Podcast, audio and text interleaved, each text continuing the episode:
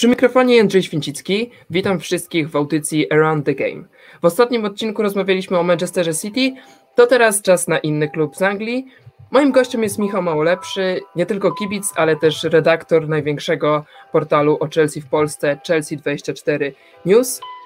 Cześć Michał. Mm, witam, witam. Nie ukrywam, że Chelsea jest też klubem, któremu kibicuję, ale postaram się jednak dzisiaj o tym zapomnieć na czas audycji, no i po prostu oddać Tobie głos. Y, dobrze powiedziałem Chelsea 24 News, czy powinienem powiedzieć 24 News? Jak to, jak to tam mówicie u siebie? E, tak, ja, ja, staram się mówić 24 news, tak, tak, e, spol, spolszczyć angielszczyć to, żeby, żeby to było dobrze, bo tak niewygodnie by się chyba mówiło właśnie 24, więc 24 news po polsku jest, jest super. To przy okazji Hot 16 Challenge ludzie się zastanawiali, jak mówić, dlatego też się zastanawiałem, ale jeżeli mówisz, że 24, no to zostajemy przy 24. W poprzednich audycjach rozmawiałem z Polakami, którzy jednak mieszkają na wyspach i uczestniczą w życiu klubu i w tym ruchu kibicowskim. Powiedz mi, czy mieszkając w Polsce, nie chodząc na mecze, tylko oglądając je w telewizji, można być tak samo wiernym fanem Myślę, że tak. Myślę, że to nawet może być bardziej tak, tak e, możesz być zaangażowany, ponieważ wiadomo, że e, są różni kibice. Nie chcę, nie chcę tutaj e, określać całej grupy jako jedną, jedną, no, jedną, jedną grupę. Natomiast chodzi mi o to, że ja e, pisząc o Chelsea, czytając masę artykułów, e, tworząc posty i tak dalej, tak dalej, myślę, że jestem bardziej zaangażowany w, w temacie klubu niż kibic, który raz e, na weekend pójdzie po prostu na spotkanie, posiedzi 90 minut i pójdzie do domu i już nie będzie zastanawiał, co z klubem dalej. Oczywiście są tacy też w Anglii, którzy żyją tym klubem i rzeczywiście interesują się tak e, bardziej, nie tak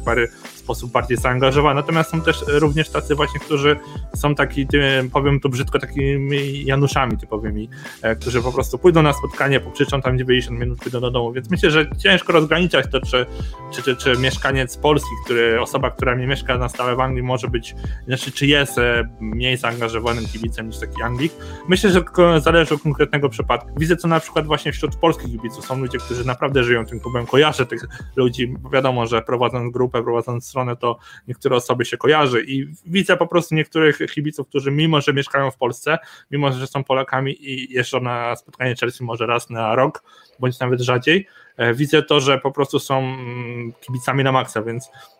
Myślę, że to nie ma znaczenia akurat. Wiadomo, oczywiście każdy z nas chciałby chodzić na Chelsea co tydzień, czy nawet tam kilka razy w tygodniu, jeżeli są takie spotkania, natomiast mm, raczej nie wybieramy, no nie wybieramy tego, gdzie się urodziliśmy i to już od nas nie zależy, natomiast zależy od nas to, jak bardzo angażujemy się w klub i myślę, że, że, że spokojnie można być fanem klubu. E, ja na swoim przykładzie powiem to, że mimo, że jestem Polakiem, no to raczej się nie, nie identyfikuję z klubami z Polski i raczej się w ogóle nie interesuję polską klasą i gdybym, gdybym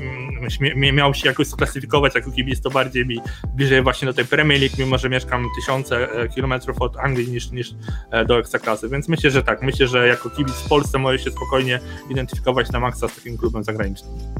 A z czego to się bierze, że ktoś się rodzi w Polsce, jednak się interesuje piłką z Anglii i w ogóle go nie interesuje Ekstraklasa czy inne polskie ligi?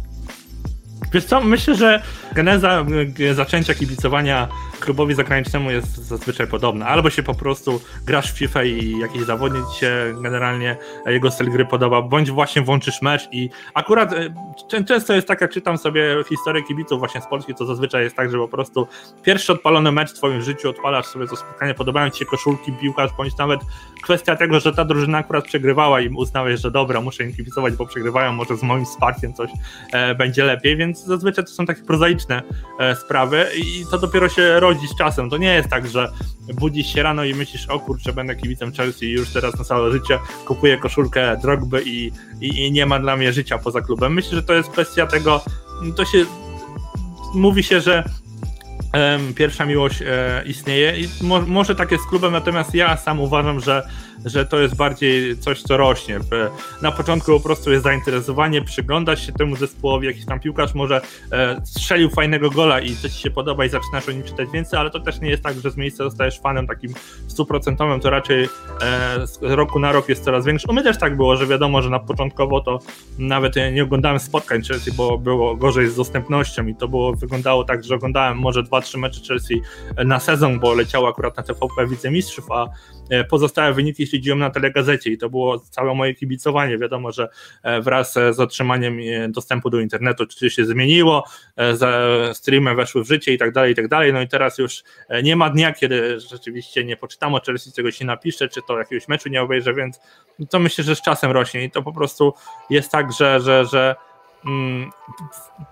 następuje pewien moment, kiedy już sobie zdajesz sprawę, że jesteś fanem tego klubu na 100%, ale to też nie jest tak, że po prostu budzisz się rano i zostajesz kibicem czy jakiegoś klubu, nie, niekoniecznie Chelsea, czy nawet, nawet nawet myślę, że z polskim klubem jest podobnie, że po prostu idziesz na mecz i czy tam jak dziadek ci opowiada jakichś tam legendarnych piłkarzy, więc generalnie myślę, że to jest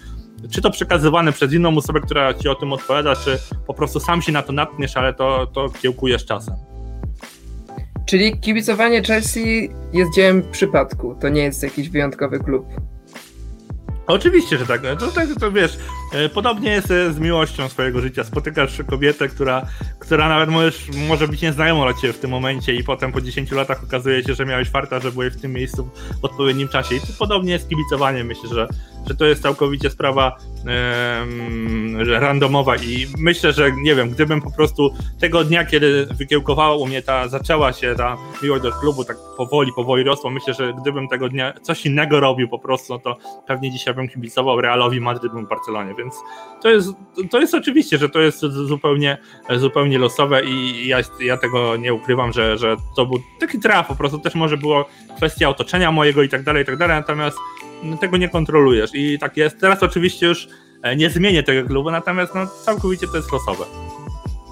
No dobra, to losowo wybrałeś Chelsea, to mam do Ciebie takie pytanie, czy mimo że nie mieszkasz w Anglii, czy mimo że nie mieszkasz w Londynie, czujesz i jakoś się wkręcasz w te rywalizacje miejscowe pomiędzy Chelsea a Tottenhamem, Arsenalem czy West Hamem, czy jednak będąc w Polsce masz już trochę innych rywali i bardziej nie lubisz drużyny, której twój kolega kibicuje, czy, czy Wiesz co, coś u mnie, u mnie trochę to właśnie wygląda inaczej, tak jak powiedziałeś, to nie jest bardziej kwestia tego, że e, lokalizacja ma główne znaczenie u mnie, tylko w moim przypadku bardziej rywalizacja wewnątrzligowa. W tym momencie na przykład Chelsea z Manchester United rywalizuje o miejsce w, w, w tabeli, e, Tottenhamem może trochę, Arsenalem i tak dalej, natomiast to bardziej chodzi właśnie o miejsce tabeli i e, były momenty, kiedy na przykład z Liverpoolem Chelsea rywalizowała długo o te czołowe lokaty, to wtedy myślę, że rywalizacja z Liverpoolem była dla mnie najważniejsza, więc tu bardziej wchodzi oczywiście w grę taka rywalizacja ligowa, sama sobie sportowa, bo ja jestem człowiekiem, który raczej nie, nie lubi takiego oceniania ludzi na podstawie tego, komu kibicują, bo według mnie to jest dość słabe. E, wiem, że są ludzie, którzy faktycznie nawet w Polsce to się zdarza, że, że po prostu nie lubią kogoś, bo znosi znaczek na koszulce i to dla mnie jest e, patologia straszna, ale to już abstrahując od tego. Więc w ja Polsce to permanentna taka sytuacja jest chyba akurat Dokładnie Polska, tak. To... Znaczy w, w, Anglii kiedyś było go wiele gorzej, teraz już jest sporo lepiej z tego co wiem, więc, więc już teraz to trochę wypleniono i ja jestem za tym, że po prostu oczywiście fajnie jest rywalizować z kimś, fajnie jest nawet poprzekomarzać się, pożartować sobie z kogoś, natomiast nie, nie, nie, nie jestem fanem tego, żeby jakoś tam agresywnie atakować za to, że ktoś innemu klubowi kibicuje, więc wracając do pytania, ja jestem za tym, żeby rywalizować, ale bardziej jak już, jak już szukam rywali e, dla Chelsea, to bardziej właśnie ze względu na to, kim Chelsea rywalizuje aktualnie w, w tabeli, widzę, niż, niż, niż dlatego, że na przykład w północnym Londynie ktoś, jakiś klub jeszcze jest i tak dalej, i tak dalej. Wspomniałeś o tym, że na początku oglądałeś mało meczów, potem to się trochę rozwinęło i teraz nie ma dnia, w którym byś e, nie czytał o Chelsea czy nie oglądał jakiegoś meczu. To pokazuje, że jednak świat strasznie idzie do przodu i do przodu idą media, idzie rynek mediów na świecie, ale mhm. też w Polsce. Mnie jako studenta dziennikarstwa zawsze to jakoś tam interesowało. Powiedz mi, czy wasz portal Chelsea24 News jest trochę odpowiedzią na to, co się dzieje na rynku medialnym w Polsce? Czy, czy wasz portal po prostu powstał dlatego, że w Polsce w tamtym momencie nie było wystarczających, wystarczająco dobrych gazet czy telewizji sportowych? Czy po prostu chcieliście stworzyć sobie coś, co będzie się skupiało tylko i wyłącznie na waszym klubie? Wiesz co, to, to dwojako trochę to tak wyszło, ponieważ ja wcześniej pisałem na innych portalach o Chelsea, więc generalnie lubi, lubiłem sobie popisać, lubiłem sobie podyskutować i tak dalej, i tak dalej, bo no, jako, że jestem fanem tego klubu, to lubię być na bieżąco i jak już coś czytam, to e, nie widzę problemu z tym, żeby to przetłumaczyć dla innych i, i to, to było głównym moim, e, moją potrzebą w tamtym momencie, ale też kwestia tego, że no niestety Chelsea nie posiadała żadnego takiego e, dużego portalu. Były kilka, kilka pomniejszych, ale zazwyczaj albo one opierały się na właściciela, który generalnie za bardzo o tym nie dbał, stworzył po prostu portal i za bardzo nic z tym nie robił, bo, bo nie za bardzo chciał, nie za bardzo miał motywację, czas i tak dalej. Były też portale, które, które ograniczały po prostu, że tak powiem, dostęp, dostęp, zasięgi i tak dalej, ponieważ no, były portale, które robiły dobrą robotę, niestety nie przebiły się do większego, e, do większego grona odbiorców. Natomiast e, ja chciałem właśnie to połączyć, chciałem zrobić portal o Chelsea dla wszystkich fanów Chelsea w Polsce. Nie, nie wiem, czy mi się to udało, ale cały czas do tego dążymy. Ale też e, portal taki, gdzie po prostu, który się będzie rozwijał, bo było sporo, sporo stron, które e, fajnie zaczynały, ale niestety no, brakowało motywacji, brakowało e, zaparcia ze strony właściciela z tych powodów, które podałem poprzednio, żeby się ten portal rozwijał, więc, więc to były dwa główne powody, a po trzecie mm, myślę, że kibice Chelsea też zasługiwali trochę na takie jakieś fajne miejsce, bo e, zazdrościłem zawsze właśnie fanom Realu, Barcy i e, nie tylko portalu, tylko samego po prostu miejsca, gdzie można sobie podyskutować tak na co dzień, bo e, ja podchodzę do e, budowania Chelsea 24 News tak, że ja zawsze powtarzam, że to nie jest, e, że to nie jest e, na, na przykładzie grupy na Facebooku, że to nie jest grupa o Chelsea, tylko to jest grupa dla fanów Chelsea. To trochę widzę tak, że po prostu fani Chelsea mogą na niej spędzać czas nie tylko pisząc w klubie, tylko generalnie o piłce, o jakichś tam swoich zainteresowaniach i myślę, że na tym sporo zyskujemy, że po prostu gromadzimy tę społeczność i ta społeczność może ze sobą się łączyć nie tylko, nie tylko rozmawiając o Chelsea, tylko po prostu jako, jako po prostu zwykła społeczność, która, która może ze sobą rozmawiać, tworzyć relacje i myślę, że to jest najważniejsza rzecz, która mi przyświecała przy tworzeniu tego wszystkiego. Dodam tak tylko jeszcze, przepraszam, E, że, że, że mamy stowarzyszenie również fanów Chelsea. Teraz niestety no, bawiliśmy się bardzo długo z biurokratycznymi sprawami i e, niestety, gdy się z tym uporaliśmy, to przyszła, przyszedł czas na koronawirus i niestety nie mogliśmy za bardzo organizować lotów, wyjazdów i tak. Natomiast myślę, że w następnym sezonie już e, stowarzyszenie pełną parą ruszy i tu właśnie będziemy działać w kwestii wyjazdów ludzi na mecz. Będziemy chcieli po prostu pomagać w wyjazdach na spotkanie, będziemy chcieli otworzyć też takie zloty w pubach i tak dalej, żeby jakoś tam nie tylko w internecie tych ludzi, że tak powiem, ze sobą e, łączyć i, i, i tylko, tylko również e, w świecie rzeczywistym. I właśnie, właśnie to z tego względu, o którym przed chwilą mówiłem, że po prostu chciałem stworzyć społeczność, która będzie ze sobą e, się spotykała, będzie ze sobą wspólnie kibicowała i po prostu stworzymy taką, taką wielką niemiecką rodzinę, a nie tylko ludzi, którzy będą ze sobą rozmawiać tylko w kontekście spotkania. Ja jednak bym podrążył trochę ten temat mediów jeszcze. Omówiłeś portale mhm. dotyczące konkretnie klubów, y, ale mi chodziło trochę o co innego. Chodziło mi o to, że teraz w ogóle media sportowe się zmieniają i widzimy, jak ten niezmodernizowany i trochę przestarzały przegląd sportowy podupada, a powstaje chociażby kanał sportowy czy Nuance Sport. Jak oceniasz w ogóle rynek mediów sportowych w Polsce i chodzi mi o te najbardziej mainstreamowe marki. Czy to spełnia wymagania kibiców i, i odbiorców w Polsce? E, ja myślę, że, że, że e, te większe marki mogą mieć problem z przejściem e, do, do internetu. Widać to po kanale sportowym, że My, wydaje się, oczywiście to może być wniosek taki dość mylny, natomiast ja uważam, że oni nie za bardzo mają pomysł generalnie na to, co chcą robić, bo um, wydaje mi się, że spodziewali się, że same nazwiska właśnie sprawią, że e, ten kanał sportowy zacznie tworzyć, e, że tak powiem, niewyobrażalne liczby, a widzimy e, z tygodnia na tydzień coraz gorsze właśnie wyświetlenia i coraz więcej ludzi narzeka na ten kontakt na kanale sportowym. Ja jestem zdania, że nisza jest ogromna do zagospodarowania w, tych, w tym kontakcie, zwłaszcza na YouTubie. E, myślę, że, że, że wystarczy spojrzeć na jak to działa w Anglii, że jest masa, masa tych kanałów. E, są kanały od taktyki, są kanały generalnie tylko właśnie pogadania o piłce, są kanały o fantazy Premier League i myślę, że, że jak najbardziej, że jest, jest na to zapotrzebowanie, ale nie widzę na ten moment żadnego kanału, który w 100% by odpowiadał na przykład moim zapotrzebowaniu, jeżeli chodzi o ligę angielską. Brakuje mi takiego typowego E, programu, czy to właśnie telewizyjnego, bo telewizji też czegoś takiego nie ma, czy to właśnie na YouTubie, e, gdzie po prostu byłaby, nie wiem, trzy godziny rozmowy o piłce i tyle. I spotykałoby się trzy osoby i po prostu by sobie gadały o piłce, tylko tak w bardziej profesjonalny sposób, bo wiadomo, że są e, kanały, które to robią i lubię niektóre oglądać, natomiast to też widać, że brakuje funduszy, brakuje pewnych, pewnych rzeczy, żeby to było profesjonalne i brakuje mi takiego kanału. Miałem nadzieję, że kanał sportowy będzie czymś takim i, i, i mam nadzieję, że ostatecznie się im uda coś takiego stworzyć, ale na ten moment widzę, że um, dziennikarze, którzy zajmowali się właśnie takimi tradycyjnymi mediami, jak nawet nawet patrząc na to na, na portale internetowe, gdzie było słowo pisane, nie za bardzo potrafią przejść właśnie na, na YouTube'a i myślę, że jest e, do tego wielka e, dziura do za, załatania, żeby, żeby to e, fajnie działało, ale nie za bardzo widzę takiego potencjału, żeby na przykład kanał sportowy to zagospodarował, widzimy właśnie w którym kierunku nie poszli. Dość powiedzieć, że najlepsze, najbardziej oglądane e, u nich odcinki to są odcinki z Najmanem, czy to tam ze Stanisławem Żółtkiem ostatnio, więc widać, że chcą, ale nie za bardzo wiedzą, jak się do tego zabrać. I myślę, że sport jest bardzo niezagospodarowanym gatunkiem, jeżeli chodzi o YouTube, jeżeli chodzi o internety, takie, takie już bardziej zaawansowane, czy nawet podcasty. Ja bardzo chętnie sobie słucham podcastów, na przykład o, mm, o kinematografii, bo często podróżuję samochodem i wtedy sobie odpalam podcast właśnie. A o sporcie nie za bardzo jest o czym. Jest, jest oczywiście niuans, ale to tylko jeden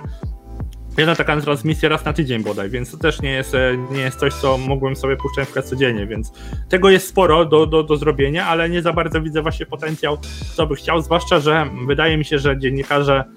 sportowi nie za bardzo radzą sobie e, po przejściu na, na Twittera nawet, e, na takie media społecznościowe. Nie chcę oczywiście tu nikogo atakować, natomiast widać, że, że na przykład Przemysław Ruski, który Twittera miał dość długo, ale po dłuższych wojenkach, że tak powiem, z użytkownikami zrezygnował z niego i generalnie często jest tak, już nie będę podawał konkretnych nazwisk, ale często jest tak, że dziennikarz sportowy, który ma bardzo duży szacunek ze strony fanów, e, przechodząc na, na, na przykład na Twittera do social media,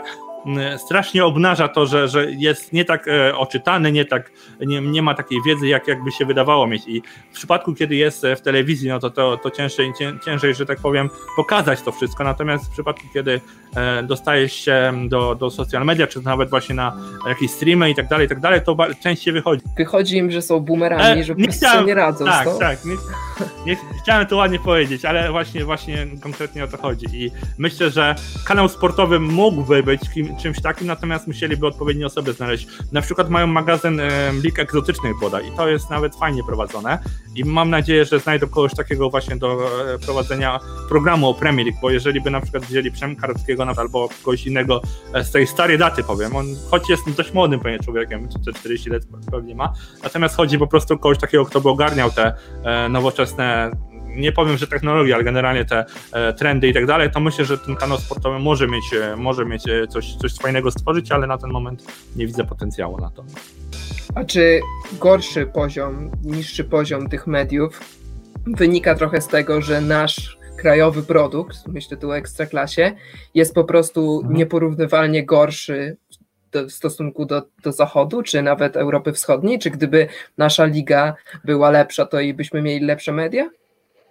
Tu, tu, tu, zupełnie się nie zgodzę, ponieważ um, pragnę zauważyć, że myślę, że jeżeli chodzi o opakowanie ekstraklasy, jeżeli chodzi o te programy Kanal Plusu, tylko takie stricte telewizyjne, bo wiadomo, że, że to trzeba produkt e, do, do YouTube'a i produkt do telewizji jest zupełnie innym produktem, ale taki produkt Kanal Plusu to jest myślę, że bardzo fajne jest opakowane ekstraklasa. Ja bym powiedział, że gdybym nie oglądał, znaczy nie oglądam, ale gdybym nie wiedział, jak ta ekstraklasa wygląda, to ja bym pomyślał, że to jest trzecia liga świata tak naprawdę, bo naprawdę mają świetne kanały, jeżeli chodzi właśnie o te telewizyjne, no ale raczej to, to, to, to, nie jest, to nie jest ważne, jak ten produkt wygląda, zwłaszcza, że e, myślę, że jeżeli chodzi o ekstraklasy, no to to jest dość dobrze zagospodarowana działka, ta konkretna liga, bo oczywiście właśnie jest Kanal Plus, który robi tych sporo programów, jest, jest mm, masa portali, jak weszło, jest jeszcze 90 minut, więc myślę, że to jest zagospodarowane. Nie wiem, jak do końca jest, jeżeli chodzi o YouTube. Wiem, że kanał sportowy też produkuje e, taki program o ekstraklasie, ale tu już, tu już bym narzekał, bo właśnie zatrudnili ludzi, którzy też, też chcieliby robić program telewizyjny na YouTubie i to też widać. Właśnie o tym powiedziałem, że to są dwie różne tak jakby dwie kwestie i to widać, że oni robią program telewizyjny, który ma te swoje konkretne zasady naprawdę które powinno się e, przestrzegać w telewizji, ale w internecie nie za bardzo to działa i ta, ta konwencja, którą oni robią na kanale sportowym, w telewizji myślę, że by się przyjęła, natomiast ludzie narzekają właśnie, jak to wygląda. E, tak jak powiedziałeś, to są boomerzy i za bardzo nie potrafią odnaleźć kontaktu, porozumienia z, z tym młodym widzem, zazwyczaj młodszym widzem niż telewizji i generalnie widzem, który oczekuje czegoś innego, bo wiadomo, że na YouTube odpalasz, masz milion innych kanałów i, i, i po prostu musisz coś wybierać, a w telewizji zazwyczaj jest tak, że kanały sportowe są trzy, więc jak chcesz obejrzeć coś, no to włączasz ten tak czy inaczej, ten. Natomiast na YouTube jest większa konkurencja i musisz czym, czymś po prostu bardziej zabłysnąć. I uważam, że no nie za bardzo, nie za bardzo mają pomysł, dlatego też szukałbym młodszych ludzi, którzy po prostu ogarniają to bardziej, te e, social media, to, to jak wygląda internet, jak, jak dotrzeć do młodszego, bardziej wymagającego powiedziałbym widza i tworzyłbym ten, e, tworzyłbym ten treści, natomiast nie uważam, że to kwestia jest tego, jak, jak ta liga wygląda, bo mimo wszystko jest ta klasa budzi wielkie zainteresowanie, no bo nie oszukujmy się, e, ja jestem takim dość wyjątkiem, ale zazwyczaj jest tak, że po prostu rodzisz się w konkretnym mieście i od dzieciaka już kibicujesz, nie wiem, rodzisz się w Łodzi, to wybierasz LKS albo Widzew, nie jest tak, że olewasz to zupełnie, więc myślę, że jeszcze długo nam czasu zajmie, zanim, zanim będziemy, zaczniemy być tak bardzo, bardzo otwarci, jeżeli chodzi o wybór klubów i nie będzie tak, że rodząc się w Warszawie, nie będziesz kibicował Legii, więc myślę, że jeżeli chodzi, niezależnie od poziomu ekstraklasy, to i tak e, tych fanów jest duża, bardzo duża liczba, ale trzeba to odpowiednio zagospodarować, jeżeli chodzi o tą e, ich uwagę. Więc odpowiadając na pytanie, przepraszam, że tak się rozgaduję, odpowiadając na pytanie, to uważam, że poziom ekstraklasy zupełnie nie ma znaczenia. Kończąc temat mediów, chciałem Cię zapytać, czy po sukcesie Chelsea 24 News nie myśleliście o tym, żeby to jakoś pociągnąć i właśnie stworzyć też YouTube'a i stworzyć coś, co będzie się zajmowało całą ligą, a nie konkretnie jednym klubem? E, powiem Ci tak, oczywiście myślimy i mamy coś takiego, ale to są początkowe fazy tego projektu, bo generalnie ja jestem osobą, która ma milion pomysłów na sekundę i, i, i budzę się rano i wymyślam coś innego, co chciałbym robić, tak rozszerzając to wszystko. E, prowadzimy fanpage, który się nazywa FIFA Blog. E, on właśnie traktuje o Premier League. Mamy grupę na Facebooku, która ma 22 tysiące bodaj użytkowników. To jest już dość średnio, ale nie źle. To, to również to jest grupa właśnie o Premier League generalnie. Mamy kanał, ale tu zaczynamy. Tu po prostu prowadzimy takie proste e, streamy raz na jakiś czas. Jeszcze to nie jest dość regularne. Natomiast mamy też kanał Chelsea 24 News, gdzie też zaczynamy właściwie. I po meczach generalnie zaczęliśmy po spotkaniu z Aston Villą, teraz właśnie po jutro, po meczu z City również się spotkamy z ludźmi i będziemy sobie dyskutować właśnie o tym, jak będzie wyglądał, więc idziemy w tym kierunku, bo ja zdaję sobie sprawę, że YouTube to jest ważna rzecz i myślę, że zwłaszcza, że pragnę dodać, że, że Chelsea to nie jest klub jeszcze popularny w, w, w, Polsce i na przykład prowadząc portal o Barcelonie czy Realu, to masz z góry zapewnione sporo więcej widzów, taki sufit jest wiele wyżej, natomiast mm, jeżeli chodzi o Chelsea, to myślę, że Chelsea 24 News powoli już sięga sufitu, jeżeli chodzi o działalność portalu, bo większość liczb niestety e, nie ukręcimy zapewne, jeżeli sukcesów nie będzie jakiś tak większy, bo wiadomo jak to działa, że jeżeli sukcesy klubu, klub osiąga, to oczywiście wtedy przyciąga to masę nowych kibiców, ale abstrahując od tego, to myślę, że Chelsea 24 News jako portal już powoli e, dosięga sufitu, więc po prostu chcemy się trochę przenieść na tego YouTube'a, żeby rozwijać działalność, żeby to cały czas się rozwijało, a nie stało miejscu, więc jak najbardziej tak. Mamy taki kanał, ale to jest malutki kanał. No, na ten moment Chelsea 24 News kanał e, posiada 1300 subów, więc to jest początek, natomiast uważam, że to jest fajny początek i, i, i jak najbardziej w tym kierunku działamy, więc znaczy, właśnie jako stowarzyszenie, jako kanał na YouTube, jako grupa dyskusyjna na Facebooku staramy się rozwijać różnych e, aspektach, żeby po prostu nie stać miejsc, bo to, o czym powiedziałem na samym początku, że mnie bardzo uderzało to, że pisałem na jakimś tam portalu o Chelsea i właściciel nie miał chęci rozwoju i ostatecznie ta, ten, ten, ten brak chęci rozwoju, rozwoju skończył się na tym, że strona po prostu upadała, bo ludzie przychodziła nowa, nowy portal i ludzie zmieniali, bo po prostu widzieli coś więcej, a ja starałem się cały czas to rozwijać, żeby, żeby po pierwsze nie było nudy, po drugie, żeby ludzie widzieli, że tam coś się rozwija, po, po trzecie ja jestem dość ambitną osobą i właśnie chciałbym robić coraz więcej, bo, bo w momencie, kiedy czuję, że po prostu już w pewnym aspekcie no nie dam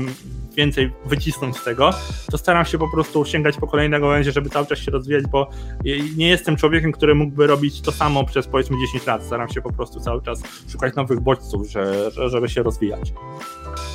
Jasne. Wspomniałeś o meczach, powiedziałeś, że po meczu zastąpiją. To było trochę tak, że jak do Ciebie pisałem z pytaniem, czy chciałbyś e, zagościć u mnie w programie, to jeszcze nie wiadomo było, kiedy rozgrywki wrócą. Potem mieliśmy się spotkać za pierwszym razem, miał być przed mhm. sezonem, przed tym powrotem, no ale ostatecznie spotkaliśmy się już po pierwszej kolejce po powrocie. Co pokazała pierwsza kolejka? Przed nami jeszcze siedem. Mhm. Co, czego możemy się spodziewać w tych najbliższych siedmiu i co już wiemy po pierwszej kolejce? Wiesz co, na pewno wiemy to, że będzie problem e, z, z przygotowaniem fizycznym piłkarzy, bo, bo to widać, że po prostu jeszcze nie, niektóre kluby pokazały tam klasę, ale, ale widać też sporo, e, sporo po prostu problemów, jeżeli chodzi o taką zwyczajną grę piłką, bo, bo wiadomo, że nie ma czucia w nogach, nie ma, nie ma jeszcze odpowiedniej formy fizycznej i to, to na pewno wyszło przede wszystkim. Myślę, że też będzie to wychodziło z każdą kolejną kolejką, bo te spotkania będą co trzy dni, więc trzeba będzie e, bardzo mocno rotować. To są zespoły, które mają dość wąskie kadry i to będzie wychodziło ale na, na, pewno, na pewno na plus może można powiedzieć to, że w przypadku na przykład Chelsea, że po prostu ci piłkarze kontuzjowani wrócili i to jest na pewno fajna sprawa, że Lampard może w końcu Lotusa Chica na przykład skorzystać. czy coś się zmieni w, w, tabeli? Myślę, że myślę, że właśnie kluby takie jak Sheffield czy Leicester właśnie to pokazuje, że, że e, taka przerwa im bardzo przeszkodziła, bo to były zespoły, które się tak jakby napędzały z kolejki na kolejkę, to były zespoły, które, którym, że tak powiem, pierwsze wyniki w pierwszych kolejkach e, dały tyle poweru, że potem po prostu prostu już e, tym, tym siłą rozpędu pokonywały kolejne drużyny, a teraz wychodzi na to, że jednak to nie są drużyny e, z kolejno na z trzeciego miejsca, czy tam Sheffield z piątego i podejrzewam, że to są, to są ekipy, które stracą najwięcej, ponieważ e, wiadomo, że siła, siła zespołu prędzej czy później wyjdzie. Kluby takie jak Manchester United, Chelsea, Manchester City, czy nawet, nawet Tottenham czy Arsenal to są zespoły, które mają jednak większą jakość zespole i w dłuższej perspektywie to właśnie wyjdzie, a na przykład po, po, Le po Leicester zwłaszcza to widać, że w momencie, kiedy Jamie Vardy już tych goli nie strzela, w momencie, kiedy nie mają tego rozpędu, to jest drużyna, która wydaje się chwiać na nogach i, i, i, nie dziwię się, jeżeli wypadną z top 4, a wydawało się przed tą przerwą, że to jest taka drużyna nie do wyjęcia, że oni już się nas spokojnie z, z, nasadowili, usadowili na tym trzecim miejscu, raczej się tego odebrać im nie da. W tym momencie Chelsea traci do nich 4 punkty, ma jeszcze mecz mniej, więc, więc tak naprawdę wszystko może się zmienić. E, myślę jeszcze, że co nam pokazała ta pierwsza kolejka, to, że, że Liverpool będzie mistrzem, bo to się raczej nic nie zmieni. Manchester City, to jeszcze nam pokazało trochę to, że, że Manchester City miał bardzo dużego pecha w tym sezonie, bo oni pokazali po tych dwóch pierwszych meczach, że, że to jest naprawdę silna ekipa i czytając wypowiedzi kibiców Liverpoolu, to, to oni się zastanawiają, jakim cudem oni mają 20 punktów przewagi nad taką ekipą, która wychodzi drugim składem na e, drugą kolejkę. Już trochę pominiemy tam pierwszą, na drugą kolejkę wychodzi z drugim składem i trzaska trzy gole i to tak zupełnie się nie męcząc, więc e, to pokazało, że Manchester City jest w kolejnym sezonie już tak, tak wychodząc dalej, że to będzie znowu ekipa, która będzie walczyła o mistrzostwo. E, Liverpool na pewno potrzebuje trochę, trochę świeżej krwi, bo to widać, że oni już tam e, oparami jadą, mimo że gdyby nie ta przewaga, to myślę, że mogłoby się dużo zmienić. Ta kolejka, te pierwsze kolejki pokazały, że Liverpool mimo wszystko świeży. Mimo tego zwycięstwa wczorajszego, to jednak widać, że jeżeli tam to, to trio nie gra na pełnej, pełnych obrotach, to jednak jest gorzej z tym Liverpoolem. Jako kibica, no to ja się bardzo cieszę, że ta liga wróciła, bo mimo, że oglądałem tam tym jednym okiem ligę niemiecką, ligę włoską, czy tam hiszpańską, no to jednak ta Premier League to jest najlepszy produkt, który lubię oglądać. No dobra, czyli Liverpool mistrzem, to wiemy i to w ogóle nie ma co dyskutować. City raczej jest nie do ruszenia z drugiego miejsca. No i mhm. mamy trzecie, to niepewne Leicester. To jakbyś obstawiał skład przyszłorocznej Ligi Mistrzów, biorąc pod uwagę też to, że City najprawdopodobniej dostanie pan na Ligę Mistrzów, to kto myślisz? Chelsea, Leicester, Manchester United? Jak, jak, to, jak, jak będzie w kolejności w tabeli według Ciebie? E, mnie zawsze serce boli, jak, jak muszę komplementować Manchester United, to, to, ale powiem to. Natomiast tak, zacznijmy od trzeciego miejsca. Ja uważam, że mimo wszystko Chelsea właśnie to trzecie miejsce zgarnie, bo to jest ekipa, która, która mi w tym ale sezonie... najtrudniejszy terminarz. Chelsea ma najtrudniejszy terminarz. Z jednej strony tak, ale z, z drugiej strony, jeżeli, powiem tak, o inaczej powiem, jeżeli dzisiaj Chelsea nie przegra, to jestem przekonany, że to trzecie miejsce będą miało, bo wydaje mi się, że oprócz tego właśnie meczu z Liverpoolem, to wszystkie mecze do wygrania są, zwłaszcza, że sporo tych trudnych jest meczów u siebie, e, ale już abstrahując to, ja uważam, że mimo wszystko Chelsea, top 4 to raczej dla Chelsea, mm, no, według mnie pewniak, jeżeli Leicester nie poprawi tych wyników, to jak nie widzę top 3, e, top 4 nawet, przepraszam. E, Manchester United raczej też, ponieważ oni mają dość łatwy terminarz, zwłaszcza, że widać, że, że, że tak jak powiedziałem wcześniej, że te słabsze drużyny już nie jadą siłą rozpędu i o ile na przykład taki Sheffield trzy miesiące temu mogłoby sprawić problemy Manchesterowi United, to teraz niestety rozjechali się zupełnie i wydaje mi się, że, że Manchester United to top 4 może wywalczyć. Mam nadzieję, że nie, bo jak powiedziałem, że to jest mój aktualny największy rywal i serce mnie zawsze boli. E, natomiast myślę, że piąte miejsce to już jest spokojnie do zrobienia dla Leicester, bo też nie chce mi się wiedzieć, że, że te Wolverhampton się, że tak powiem, e, nie, nie, nie przewróci, bo oni też fajnie zaczęli ten e, po, powrocie, natomiast to też jest cały czas e, ekipa, która jest bardzo niedoświadczenia w, tym, w tej walce o najwyższe trofea i myślę, że, że może się skończyć ta forma. Nie, nie, nie chcę, oczywiście mają w tym momencie tyle samo punktów co Manchester United i wydaje się, że są w dobrej formie, ale gdybym ja miał obstawiać właśnie oprócz Manchesteru City, gdyby obstawiać, że te piąte miejsce będzie dawało Ligę Mistrzów, to właśnie w tym momencie bym dał Chelsea, Manchester United i Leicester mimo wszystko niż ten Wolverhampton. Więc to trzy kluby, które by zagrały w Mistrzów oprócz Liverpoolu. Aczkolwiek powiem otwarcie, że jestem e, z typowania bardzo słaby i zapewne będzie tak, że żaden z tych trzech klubów się nie dostanie do Ligi Mistrzów za rok i będziemy się wszyscy śmiać, bo dlatego zrezygnowałem z bukmacherki, więc, ale tak obstawiam. Nie no, żaden z tych trzech klubów to chyba jest niemożliwe. Nie wiem, co by się musiało stać, żeby ani Leicester, ani Chelsea, ani Manchester United nie weszli do Ligi Mistrzów, więc myślę, że to nam nie grozi i to nie musisz się obawiać. Jest jeszcze jedna rzecz, która mnie interesuje po powrocie rozgrywek po, po mhm. tej długiej pandemii, czyli rynek transferowy. Wiemy już teraz, że najprawdopodobniej, nie wiem, po oficjalnej decyzji jeszcze nie poznaliśmy, ale najprawdopodobniej nie będzie finansowego fair play. Czy myślisz, że taka zmiana nie sprawi, że liga przestanie być wyrównana i że czy jakby to, to, to, co jest największym plusem Premier League, czyli to, że jednak drużyna z ostatniego miejsca może rywalizować z drużyną z pierwszego miejsca, przestanie istnieć? Czy, czy nie będzie tak, że te bogatsze kluby przez to, że mają pieniądze i nie mają tych zarobków, no po prostu uciekną tym mniejszym? Po pierwsze, e, pierwsze z tym finansowym fair play to jest generalnie tak, że co prawda zostanie to zawieszone na rok, ale e, za rok kolejny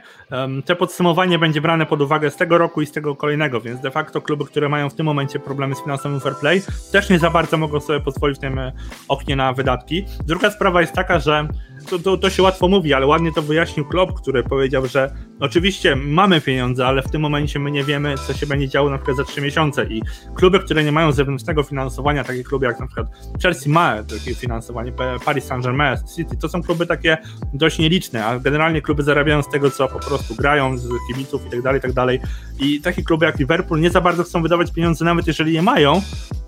to, to po prostu jest prosty, prosta rzecz w biznesie, że w momencie, kiedy nie wiesz, e, co przyniesie na przykład najbliższe półrocze, czy będą zyski, czy straty, to nie chcesz inwestować, bo wolisz po prostu odłożyć te pieniądze. I w momencie, kiedy to finansowe fair play ma trochę to wyrównać, ale tu nie chodzi też o te finansowe fair play, tylko generalnie o to, że kluby boją się, że po prostu będzie nawrót pandemii, że znowu przestanie liga grać i tak dalej, i tak dalej. I ja, ja jestem zdania, że, że te, to okno będzie bardzo, bardzo e, nieciekawe, jeżeli chodzi o takie transfery, ponieważ będziemy mieli masę wymian, bo nie sądzę, żeby kluby właśnie bez posiadania zewnętrznego właściciela, takiego jak Abramowicz, kluby, które mogą sobie pozwolić na wyłożenie, że tak powiem, z kieszeni jakichś tam milionów, bez, bez konieczności, że tak powiem, zarobku tego, e, nie, ben, nie będą chciały sobie pozwolić, moim zdaniem nie będą chciały sobie pozwolić na jakieś większe wydatki, dlatego też Liverpool odpuści Wernera, bo wydawało się, że 50 milionów funtów za Wernera to jest to jest nic w tym obecnym e, klimacie transferowym, a jak z jakiegoś, jakiegoś powodu klub, który przez rok nie wydał na transfery w ogóle, bo rok temu nie zrobili w ogóle transferów.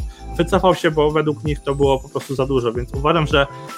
może być tak, moim zdaniem, że transfer Wernera czy transfer Moraty, bo Atletico wykupuje tego Moratę w tym, w tym oknie, więc zapasą na niego około 55 milionów funtów, może być najdroższym transferem w tym oknie i nawet to finansowe fair play może niewiele zmienić, ponieważ nawet Manchester United, klub, który ma masę, generalnie chyba największe przychody mają oni na świecie, przez te ostatnie miesiące zaliczyli ogromne straty i to dług się zwiększył i tak dalej, i tak dalej. I też nie chce mi się wierzyć, że na przykład właściciel Manchester United, który zazwyczaj nie dokłada, bo e, on jest bogatym gościem z tego, co sobie poczytałem, ale to jest facet, który raczej nie dokładał się on po prostu daje, te, znaczy daje. E, klub może wydawać pieniądze tak, która zarobi, a Manchester United niestety nie zarobił. I, jeżeli Manchester United w tym momencie nie zarabia, to inne kluby również. I e, nie wydaje mi się, żeby jakikolwiek klub było stać na wydatki. Zwłaszcza, że e, widzę nawet po tym, jak na przykład Chelsea wypożycza sporo piłkarzy i zazwyczaj pod koniec sezonu jest dużo, dużo tych plotek transferowych, że jakiś klub wykupi tego piłkarza i tak dalej, i tak dalej. No teraz nie za bardzo kluby chcą wykupować tych piłkarzy, bo zazwyczaj po prostu pieniędzy nie mają i w grę wchodzą jedynie i mm, tak jak mówiłem na początku, to okno będzie strasznie nudne, jeżeli chodzi o takie transfery wielkie i nawet zniesienie tego finansowego, finansowego fair play niewiele zmieni. Gdybym miał typować, czy na przykład Sancho zmieni klub tego lata, no to nie sądzę. Tak samo e, sam plotki o tym Kaju Havercie do Realu, do Chelsea, do Bayernu. Również nie sądzę, że, że jakiś klub się zdecyduje na taki zakup. Nie wiem, nie, nie wiem, może się mylę, może jakoś tam mylnie to odczytuję, ale wydaje mi się, że, że mm, Chelsea miała sporo farta e, z, z, tym zakazem transferowym przed rokiem, bo sprzedała Azarda, sprzedała właśnie Monatę i te pieniądze trochę odłożyli, to mogli wydać na te transfery, ale też nie sądzę, żeby poszła dalej po jakieś większe transfery. Gdybym miał typować, to jeszcze może tego Bena czy Wella zakupią, ale nadal to będą kwoty, to będą pieniądze zarobione z transferów wychodzących z klubu i nie wydaje mi się, żeby jakieś kluby wydawały po prostu jakieś kosmiczne pieniądze, więc e, finansowe fair play ok, ale to bardziej mm, myślę, że będzie polegało na tym, że po prostu kluby będą mogły dołożyć do tych transferów, ale nie aż tak, żeby, żeby jakieś wielkie transfery poczyniać, bo na przykład jak klub ma jakieś, nie wiem, po prostu straty większe, to w przypadku finansowego fair play nie za bardzo mogliby dokładać do tego, żeby tych piłkarzy kupować, bo klub by notował straty jeszcze większe i po prostu kary mogły być e, dla takiego klubu. Jak na przykład Milan miał, że Milan generalnie miał pieniądze, ale mieli bogatego właściciela, ale po prostu mieli tam długi i nie mogli za bardzo transferów robić, zostali wykluczeni z Ligi Europy i tak dalej, i tak dalej. Więc to zostało zniesione, myślę, że po to, żeby te kluby, które mają długi, mogły tam jakieś tam e, wyda wydatki, wydatków dokonać, ale nie jakichś sporych, więc gdyby, gdybyś po prostu mnie zapytał o zdanie, to jestem zdania, że e, to okno będzie całkowicie trudne, zwłaszcza, że się wydaje, że to okno zostanie otwarte długo do, po zamknięciu ligi, po skończeniu ligi chyba w sierpniu, jeżeli się nie mylę, bądź nawet we wrześniu i ma potrwać do października, więc to też będzie wyglądało tak, że okno będzie otwarte, jak już zacznie się nowy sezon, więc też myślę, że tych wymian za bardzo nie będzie, bo kluby też już w trakcie sezonu nie będą chciały wymieniać piłkarzy. Wspomniałeś o tym, że Chelsea ściągnęła Ziecha i właściwie wspomniałeś mhm. o Wernerze, a ja dodam, że jeszcze ściągnęła Ziecha. Mm, czy to jest tak, że Chelsea kupuje jeszcze obrońcę i wraca do walki o Mistrzostwo Anglii i o Ligę Mistrzów? No bo trzeba przyznać, to nie była drużyna, która mogła nawet, nawet dorównać drużynom, które doszły do półfinału Ligi Mistrzów. Chelsea wypadła z tej elity europejskiej. Czy myślisz, że wszystko idzie tę stronę, że, żeby Chelsea wróciła do tej elity, że Chelsea powalczy z powrotem o, o miejsce, które niech się należy, jak to mówią jej kibice? Wiesz co, e, uważam, że zależy bardzo dużo od, od tego, jak, jak się będą spisywać Liverpool i Manchester City, bo jeżeli w kolejnym sezonie te dwie drużyny znowu podjadą pod 100 punktów, no to jest niemożliwe, żeby Chelsea jeszcze, jeszcze za rok powalczyła mistrzostwo. Natomiast jeżeli to będzie sezon już taki, że tak powiem, zwyczajny, gdzie e, mistrz zdobywa te 90 punktów powiedzmy, to myślę, że Chelsea do tego marca, do kwietnia może nawet e, być jeszcze wymieniana w gronie tych faworytów za rok. Natomiast też, też raczej nie ma co stawiać takich wymagań nagłych, ponieważ trzeba zauważyć, że to jest spora rewolucja, którą przeprowadza Frank Lampard. Już abstrahując od tego, że Azar odszedł, gość, który naprawdę w tym ostatnim sezonie swoim to naprawdę e, samodzielnie właściwie wytaskał ten, ten klub na do, do, top 4, to gra sporo młodych zawodników w tym zespole. Już e, trzeba to pamiętać, że taki Mount e, ma 21 lat, Abraham ma 22, to Mori ma 22, jeszcze jest James, jeszcze jest Hudson Odoi, jeszcze jest Pulisic i masa tych piłkarzy będzie miała swój pik za 3-4 lata co najmniej i trzeba trochę poczekać, myślę. E, też trzeba zauważyć, że Chelsea w tym sezonie e, statystycznie jest dobrą drużyną, bo, bo często jest tak, że kreuje sobie masę sytuacji, a niestety no, tego nie wykorzystuje i na pewno e, transfery z Ziecha i Wernera to w tym pomogą, ponieważ abstrahując już od Ziecha, który też swoje gole dołoży, myślę, że to jest zawodnik, który zagwarantuje 10 bramek w lidze na przykład w kolejnym sezonie, to w przypadku Wernera to jest gość, który, który może te 20 goli w lidze zdobyć i myślę, że w momencie, kiedy, kiedy dokładasz takie strzelby do zespołu, a w tym momencie masz tylko Abrahama, który przekroczył 10 bramek w lidze w Chelsea, no to, no to już, już w tym momencie stajesz się ekipą, która może zagrozić, bo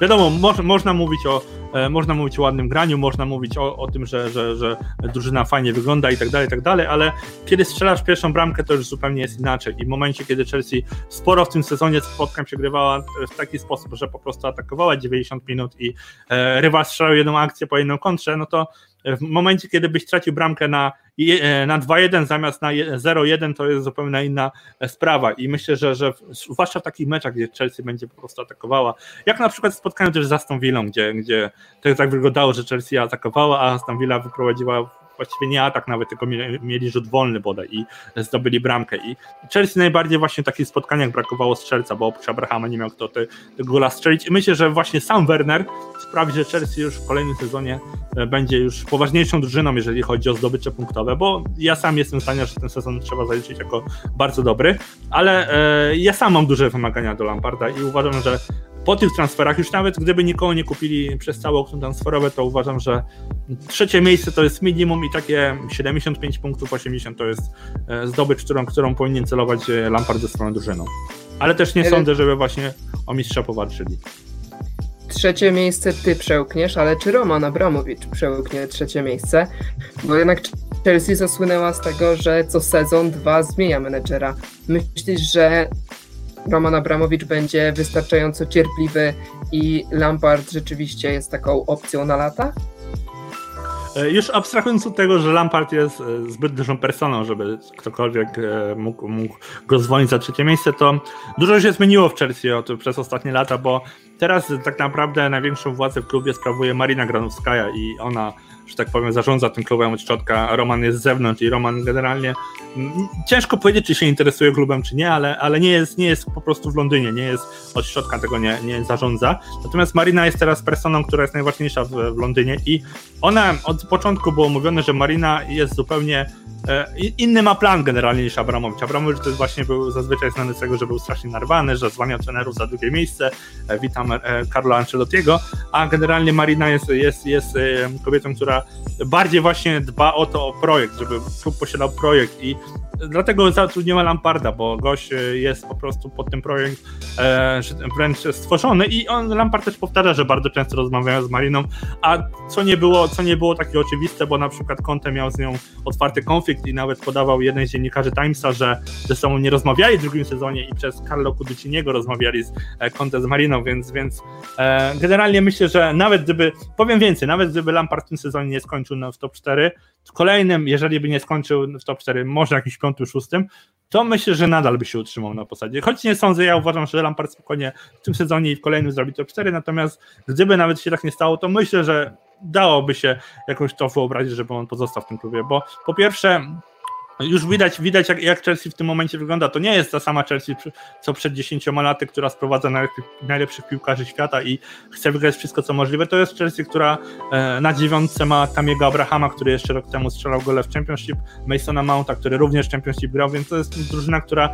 dopiero za kilka lat będzie e, świętowała najlepsze sukcesy, moim zdaniem. Zwłaszcza, że przykład właśnie Rugena Kloppa pokazał trochę, jak, jak to powinno wyglądać budowanie zespołu. Oczywiście Klopp startował z wiele niższej pozycji niż Chelsea, nie miał takich funduszy, nie miał takich piłkarzy na sam start, natomiast widać, co, co, do czego prowadzi taka konsekwentna praca. W momencie, kiedy klub przejmował Liverpool, to e, ja bym się popukał po, czoło, e, po czole, gdybym ktoś powiedział, że oni dwa, dwa sezony z rzędu po 100 punktów zdobędą widzę, a w tym momencie no, to jest no, zupełnie normalna sprawa. I klub powoli sobie ten, ten klub poprawiał, powoli wymieniał tribiki i teraz mają, e, mają po prostu e, sukces. I myślę, że Roman a właściwie Marina właśnie patrzy bardziej w taką stronę, a nie, a nie takiego e, nerwowego wymienienia menedżerów i może się coś uda. Zwłaszcza, że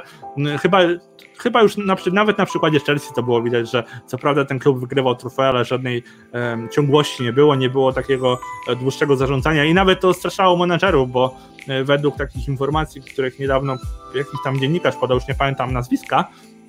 to Guardiola właśnie się tym bardzo zniechęcił tym, jak Chelsea wyglądała od środka, że generalnie trenerzy byli zwalniani co, co rok i e,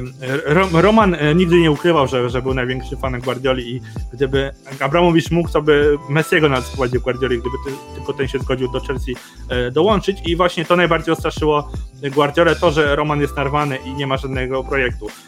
Bar, bardzo, bardzo go zniesmaczyło to na przykład, że właśnie w momencie, kiedy Guardiola odrzucił ofertę Chelsea, to Chelsea powędrowała z ofertą do Antonio Conte, który był trenerem zupełnie innym, zupełnie innym e, projektem, zupełnie innym stylem gry, z zupełnie innymi piłkarzami, których by potrzebował. I to, to się bardzo nie spodobało Guardioli, że nie ma tej e, konsekwencji w działaniu. I myślę, że Chelsea teraz chce, e, nie, nie, to, że udowodnić Hiszpanowi coś, ale po prostu chce pokazać, że, że, że, że mają inny pro, pomysł na sukces i, i raczej Marina jest tego przykładem, zwłaszcza, że, że, że Marina już rok temu chciała takiego trenera, bo e, generalnie dużo się mówiło o tym, że Marina chciała zatrudnić Tomasa Tuchela, który również jest gościem, który raczej słynie z prowadzenia młodzieży, który również słynie z tego, że e, chce grać ofensywny futbol i sam Guardiola go polecał do Bayernu, więc e, Chelsea chciała takiego swojego Guardiola mieć, e, ale, ale po prostu widać, że Marina właśnie szuka takiego projektu na dłużej, szuka kogoś, kto, kto prowadzi dzieciaków, zwłaszcza, że Roman wadował te miliardy w Akademię, a nigdy się to nie zwróciło i teraz ma szansę, więc my, wracając do pytania pierwszego, bo już dawno zgubiliśmy wątek, to uważam, że nie ma szans, że Lampard zostanie zwolniony, musiałoby się stać stać coś niesamowitego, żeby, żeby Lampard został zwolniony za trzecie miejsce, więc nie, nie, nie. Myślę, że, że albo Lampard musiałby sam odejść, albo po prostu musiałby walczyć o utrzymanie, tak, tak jak w sezonie 2015-16 walczył Jose Mourinho. To tak kończąc, muszę Cię jeszcze zapytać o jedną rzecz. Zapytałem o to ostatnio Grzegorza Szczęcha z Manchesteru City, więc muszę być sprawiedliwy i zapytać też Ciebie. Czy tobie, jako kibicowi Chelsea, nie przeszkadza to, że właściciel klubu Roman Abramowicz jest oskarżany o nieuczciwe interesy, wykorzystywanie ludzi, czy nawet współudział w morderstwie?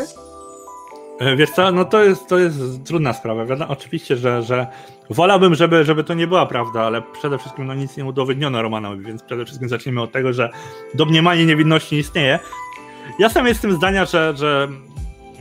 że trzeba ludziom dawać drugą szansę, więc nawet jeżeli Roman coś tam kiedyś zrobił, wiadomo, że to jest inny człowiek teraz, kiedyś i teraz, bo, bo to jest zupełnie inny człowiek w tym momencie i uważam, że trzeba dawać ludziom drugą szansę. Ja oceniam Romana przede wszystkim jako gościa, który był strasznie zajerany tym klubem. Teraz już oczywiście widzę nie dostał, więc nie za bardzo może się pojawiać w Anglii, natomiast kiedy mógł przebywać w Anglii, no to, to, to był facet, którego, którego można było spotkać na boiskach młodzieżowych, zespołów młodzieżowych, jak wyglądał zespół Chelsea 18 i się zachwycał bramką właśnie młodego Tamiego Abrahama, który dopiero wchodzi do zespołu, więc ja, ja sam Abramowicza bardzo ciepło odbieram. Oczywiście, no tak jak mówię, no gdyby się okazało, że mu coś udowodniono takiego, no to to nie byłoby e, dla mnie coś super, żebym się z tego cieszył. Natomiast jestem zdania, że, że ja zamierzam oceniać Romana tylko za to, co robi dla klubu, bo